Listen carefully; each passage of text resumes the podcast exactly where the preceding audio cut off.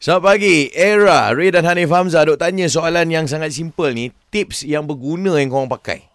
Tips kehidupan lah. Mhm. Kan? Kita dah cerita sadurian tadi. Dah cerita gak pasal kain, bila beli kain. Kan? Ini uh, kita ada kasih pula ni. Kasih. uh, kasih punya tip ni untuk orang yang uh, nak membuang tapi waktu nak membuang tu macam tak sesuai.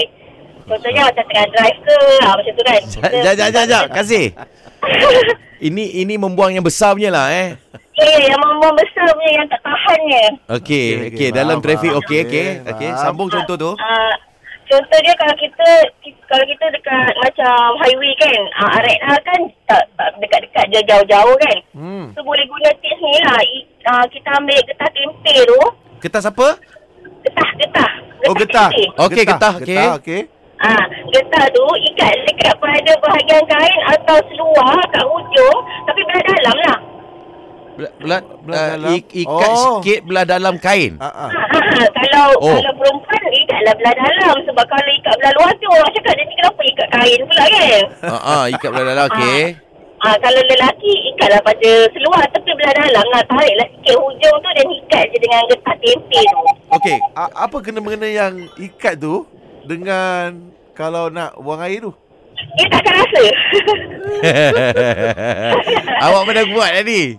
Memang bukan pernah buat memang selalu buat.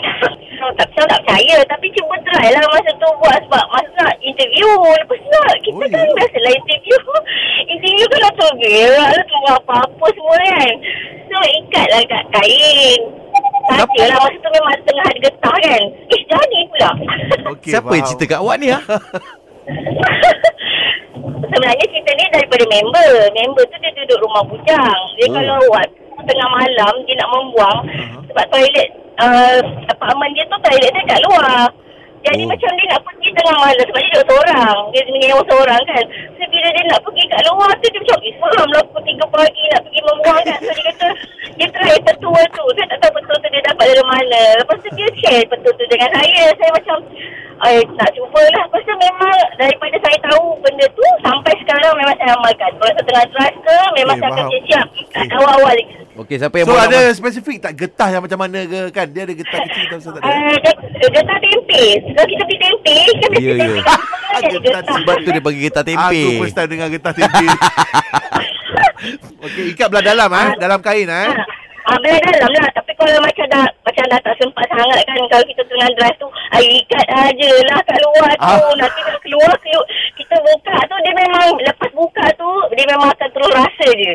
Okey, Oh, faham, macam faham, tu faham. eh. Okey, saya akan Faham. try benda ni. Akan cuba. Hari ni masalahnya saya tak rasa lagi nak tu membuang. Ah, ah. Tapi Ah. biasanya pagi-pagi saya akan akan lalu satu fasa saya alamak.